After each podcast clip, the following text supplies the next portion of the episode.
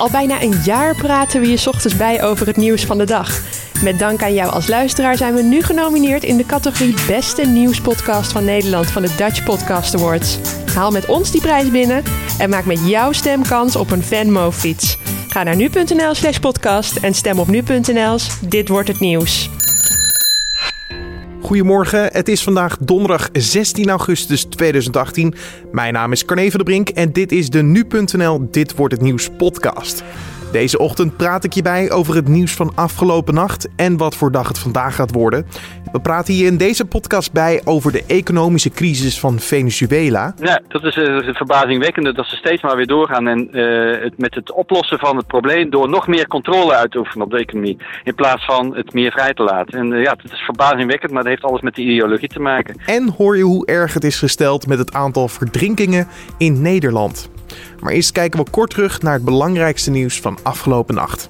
De politie in Amsterdam heeft de Voetboogstraat en omliggende straten in het centrum van de hoofdstad urenlang afgezet in de nacht van woensdag op donderdag, na de vondst van een verdacht voorwerp. Een politiewoordvoerder kon geen uitsluitsel geven over wat het voorwerp precies is, maar de explosieve opruimingsdienst Defensie hielp de politie bij het onderzoek. Een strafhof in Libië heeft woensdag 45 mensen ter dood veroordeeld voor doden van betogers in de hoofdstad Tripoli. Dit tijdens de opstand in 2011. Dat meldt het Libische ministerie van Justitie. De veroordeelden worden beschuldigd van het beschieten van tientallen betogers tijdens de opstand tegen de voormalig leider Muammar Gaddafi. Amnesty International omschreef het Libische rechtssysteem eerder als dysfunctioneel. Atletico Madrid heeft donderdag voor de derde keer de Europese Supercup gewonnen. De Europa League-winnaar was in de Etse hoofdstad Tallinn na verlenging met 4-2 te sterk voor Champions League-winnaar Real Madrid. Nou kijken we naar de dag van vandaag, oftewel dit wordt het nieuws. Venezuela verkeert nog altijd in een gigantische economische crisis.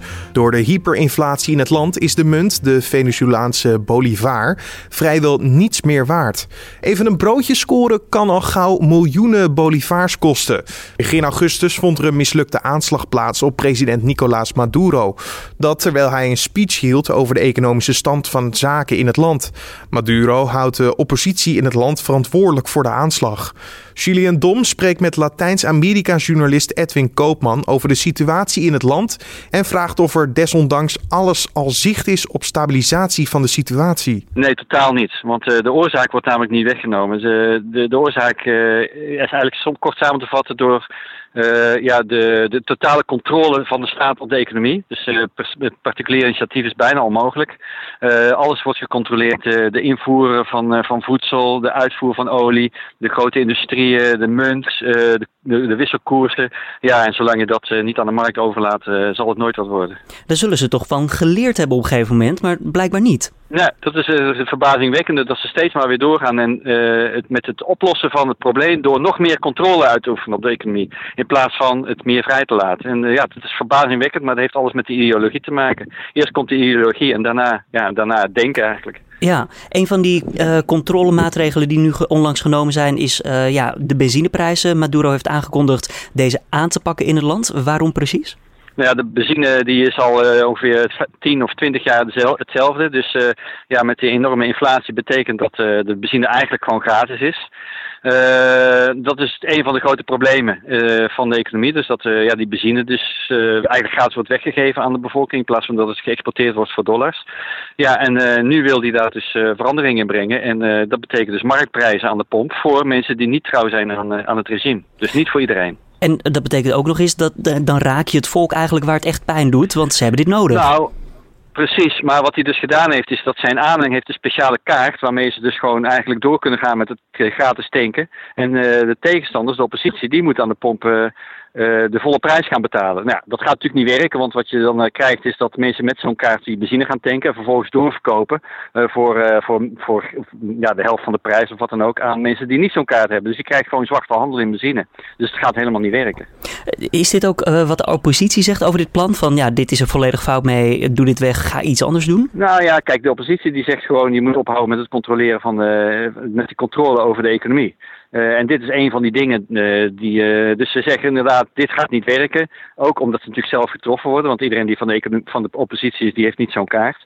Maar ook omdat ze oh ja, ook heel goed zien dat, dat dit een, een, een, waardeloze maatregel is die de oorzaak van het probleem niet weghaalt. Begin augustus werd er een ja, aanslag gepleegd op Nicolas Maduro, de president. Ehm, daar gaf hij de oppositie de schuld van. Praat iemand daar nog over nu ja, weer dit speelt met de benzine en die hele economie ligt op zijn gat? Heeft iemand het nog over die aanslag? Absoluut, want uh, dit is niet de enige maatregel die Maduro neemt. Hij heeft uh, net ook een uh, hoge militair gearresteerd die met de aanslag te maken zou hebben. Ja, dat is iets wat, wat natuurlijk ja, vrij bijzonder is. En daarnaast heeft hij hoge oppositie, belangrijke oppositieleiders ook gearresteerd of uh, gevraagd voor uitlevering, voor zover ze niet in, in eh, Venezuela zitten. Dus de, de, oppositie is erg bang voor een soort heksenjacht op iedereen die, uh, ja, die tegen Maduro is. En die heksenjacht is eigenlijk al begonnen. Dus ja, dat is wel degelijk een issue op dit moment. Dus, uh, echt iedereen heeft het erover. Althans, iedereen die zich voor politiek interesseert. Ja. De rest van de bevolking is bezig met overleven. Als laatste vraag dan, meneer Koopman. Ja, wat kan de oppositie dan op dit moment nog eigenlijk doen? Want ze zeggen wat er moet veranderen, maar dat gebeurt niet. Wat is er voor hun nog over? Niet zoveel. De oppositie die heeft uh, de afgelopen verkiezingen hebben ze geboycott. Uh, dus daardoor kon Maduro uh, makkelijk wegkomen met, ja, met de winst. het enige wat de oppositie feitelijk kan doen is de straat op gaan en massaal demonstreren. Maar de mensen zijn demonstratie moe geworden. Wat je ziet is dat mensen eerder ja, liever het land verlaten dan de straat op te gaan. Dus de politieke leiders van de oppositie hebben eigenlijk staan ze met lege handen. Edwin Koopman hoorde je over de economische situatie in Venezuela. Het Centraal Bureau voor de Statistiek is met cijfers gekomen over het aantal verdrinkingen in Nederland in 2017. In 2017 verdronken er 86 Nederlanders, net zoveel als een jaar eerder. Het aantal mensen dat om het leven komt door verdrinking ligt al jaren rond de 80 per jaar. Ook deze zomer komen er berichten langs in de media over verdrinkingen. Dat aantal moet en kan verder omlaag. Julien Dom spreekt hierover met Marjolein van Tichelen van de Nationale Raad Zwemveiligheid. Kunnen we nog goed zwemmen in Nederland, is de vraag. We kunnen zeker zwemmen in Nederland. Uh, we moeten niet vergeten dat wij in Nederland een fantastische zwemlescultuur hebben. Zeker als we dat relateren aan uh, andere landen in de wereld. Nergens ter wereld uh, leren mensen op zo'n grote schaal als in Nederland zwemmen. En hebben wij zo'n wijd verspreid systeem van zwemdiploma's halen en op zwemles gaan. Dus daar moeten we enorm trots op zijn. Maar elke verdrinking is er één te veel. Dus uh, we zouden het liefst willen dat er een 100% uh, eh, bezit is van zwemdiploma's. En daar streven we dan het naar. Oké, want uh, is het verplicht om zwemles te nemen? Nee, het is niet verplicht. En dat is eigenlijk ook juist wat het zo bijzonder maakt. Dat toch zoveel mensen vrijwillig op zwemles gaan. Bijna 95% van alle kinderen in Nederland heeft een A-diploma. Dus je moet je bedenken dat het vrijwillige basis 95% van de kinderen dat diploma haalt. Uh, nogmaals, we willen naar 100%, maar die 95% is al heel bijzonder op zich. Is er een idee over hoe we dan uh, ja, naar die 100% toe kunnen werken? Nou, ten eerste dat begint met onderzoek. Dus we moeten weten waar we natuurlijk over praten. Uh, wij weten in ieder geval al om de twee jaar worden er, uh, of el, sorry, elk jaar worden er zijn vaardigheidscijfers gepubliceerd. Dus dan kunnen we monitoren hoeveel kinderen een A, een B en een C diploma haalt. En op basis daarvan kan je kijken of er mogelijk uh, verbetering zit om bepaalde doelgroepen aan te spreken om op zwemles te gaan of in ieder geval ook een B en C diploma te halen. En daarnaast doen we ook onderzoek specifiek, helaas meer fout gegaan, naar verdrinkingen. Om te kijken waar risicogroepen zitten en om daar aandacht aan te besteden. Zodat we ook kunnen zorgen dat binnen die risicogroepen minder mensen gaan verdrinken. Je zei het al eventjes, de zwemdiploma A, B en C. Wat zijn nou de belangrijkste dingen die je leert met die diploma's? Nou, eigenlijk hebben we gezegd dat je met een zwemdiploma A kan je jezelf redden in een zwembad zonder attracties. Met attracties bedoelen we bijvoorbeeld stroomversnellingen en een waterglijbaan. Dus met een zwemdiploma A kan je je dus in een simpel zwembad redden. Op het moment dat je je B-diploma hebt, dan ben je in staat om jezelf te redden in een zwembad met attracties, dus met zo'n wildwaterbaan. En op, met, met een zwemdiploma C uh, kan je zeg maar zwemmen in open water, maar dan wel open water zonder stroming en niet specifiek in de zee. En uh, stromingen, dan praten we bijvoorbeeld over inderdaad de zee of rivieren in Nederland, waar we er ook veel van hebben. Ja, klopt. Wat, wat gebeurt er nou als uh, je zelf in paniek raakt? wat moet je dan doen? Waar moet je op letten? Nou, als je zelf in de problemen komt, de reddingsbrigade Nederland die heeft daar mooie tips voor opgesteld. Dan zeggen ze eigenlijk raak vooral niet in paniek.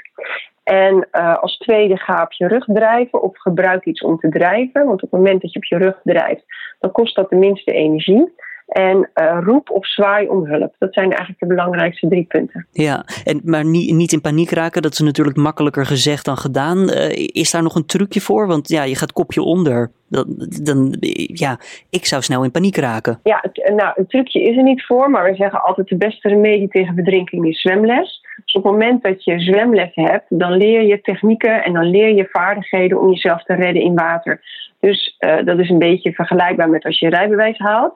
Op het moment dat je uh, rijlessen krijgt, leer je ook niet wat je moet doen als je in een kettingbotsing terechtkomt. Maar je leert wel alle technieken om goed te kunnen rijden. Zodat als je in een situatie komt die onprettig is, dat je toch terug kan vallen op die technieken en op die vaardigheden. Nou, eigenlijk is dat met zwemles precies hetzelfde. Uh, je leert uh, het gevoel van water, je leert wat drijven is, je leert wat zwemmen is, je leert wat van de kant vallen is, van een object afvallen in het water, achterover, uh, voorover. Dus we leren je allerlei vaardigheden die je kunt gebruiken, zodat je niet als je in een onverwachte situatie komt direct in paniek raakt. Maar mocht er dan toch iets zijn waardoor je in paniek raakt, uh, hè, of waardoor je het eng vindt, probeer dan toch terug te gaan naar je vaardigheden, op je rug te gaan drijven en om hulp te roepen. Bij autorijden, dat is een leuke vergelijking, daar heb je natuurlijk ook een slipcursus die je kan nemen. Bestaat er zoiets voor zwemmen dat je een speciale, ja, zwemdiploma D is er niet, maar dan toch een soort van met stroming zwemmen cursus kan volgen? Nou, uh, er zijn wel reddingsbrigaden die uh, zwemles in buitenwater aanbieden. Ik weet niet of dat specifiek met stroming is, maar je hebt nadat je je zwem-ABC hebt behaald, dus je A, B en C diploma, heb je nog allerlei zwemvaardigheidsdiploma's, uh, waardoor je zeg maar nog meer technieken leert. Zwemvaardigheid uh, 1, 2 en 3. Specialisme zegt. Je, precies. En uh, dan kan je nog verder bekwamen in allerlei vaardigheden. Uh, in, het zwem, ja, in het zwemwater zitten. Ja, en uh, wat nou, we staan langs de kant, we zien iemand in nood in het water. Wat moeten we dan doen? Roep om hulp of bel 112 direct. Gooi iets in het water om op te, te drijven, zeg maar, voor degene die, die in de problemen komt. Of steek iets uit wat kan worden gepakt. Praat iemand naar de kant. Dat is ook een belangrijke tip van Reddingsbrigade in Nederland. En vooral ga er nooit zelf in. Met het risico dat degene die problemen raakt zich helemaal vastklampt aan jou en er mogelijk twee mensen in problemen komen. Marjolein van Tichelen van de Nationale Raad Zwemveiligheid hoorde je. Het Verenigd Koninkrijk en de EU spreken weer met elkaar over de brexit. Tijdens de bijeenkomsten staat opnieuw de situatie rond de grens tussen Noord-Ierland en Ierland op de agenda. In de afgelopen weken spraken steeds meer partijen uit dat de Britten de EU waarschijnlijk zonder een akkoord zullen verlaten. Feyenoord en Vitesse komen in actie in de Europa League. Het wordt voor beide ploegen een helskarwei om de play-offs van het tweede Europese bekertoernooi te bereiken.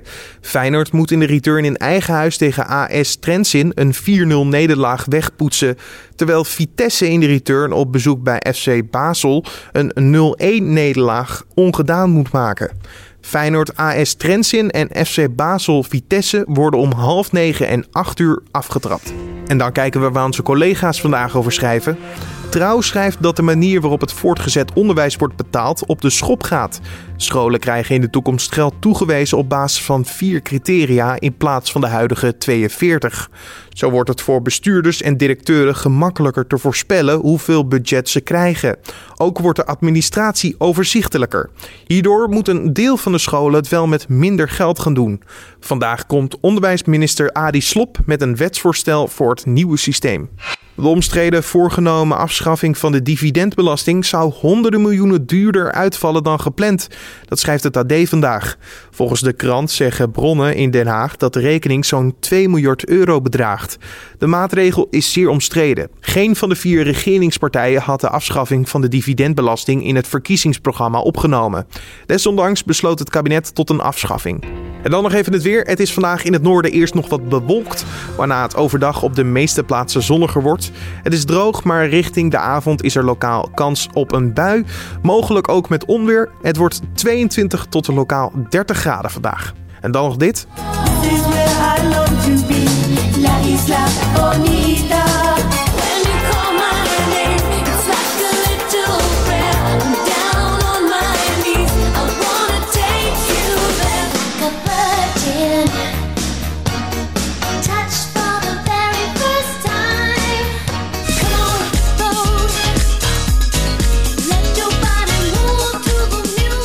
Zomaar wat onvergetelijke nummers die afkomstig zijn van één vrouw. De Queen of Pop. Madonna. Jarenlang was ze niet weg te denken uit de hitlijsten en alles wat de zangeres aanraakte veranderde in goud. Haar laatste album kwam uit 2015 en volgens interviews zou ze dit jaar nog met nieuw werk moeten komen. Het is een speciale dag voor de Queen of Pop, want vandaag mag ze 60 verjaardagskaarsjes uitblazen. Dit was dan de Dit wordt het nieuws podcast voor de donderdag 16 augustus. Je vindt deze podcast natuurlijk elke maandag tot en met vrijdag om 6 uur ochtends op nu.nl. Wat vond je van deze uitzending? Laat het ons weten via feedback.nu.nl of laat een reactie achter in je favoriete podcast-app. Mijn naam is Carne van den Brink en voor nu, tot morgen.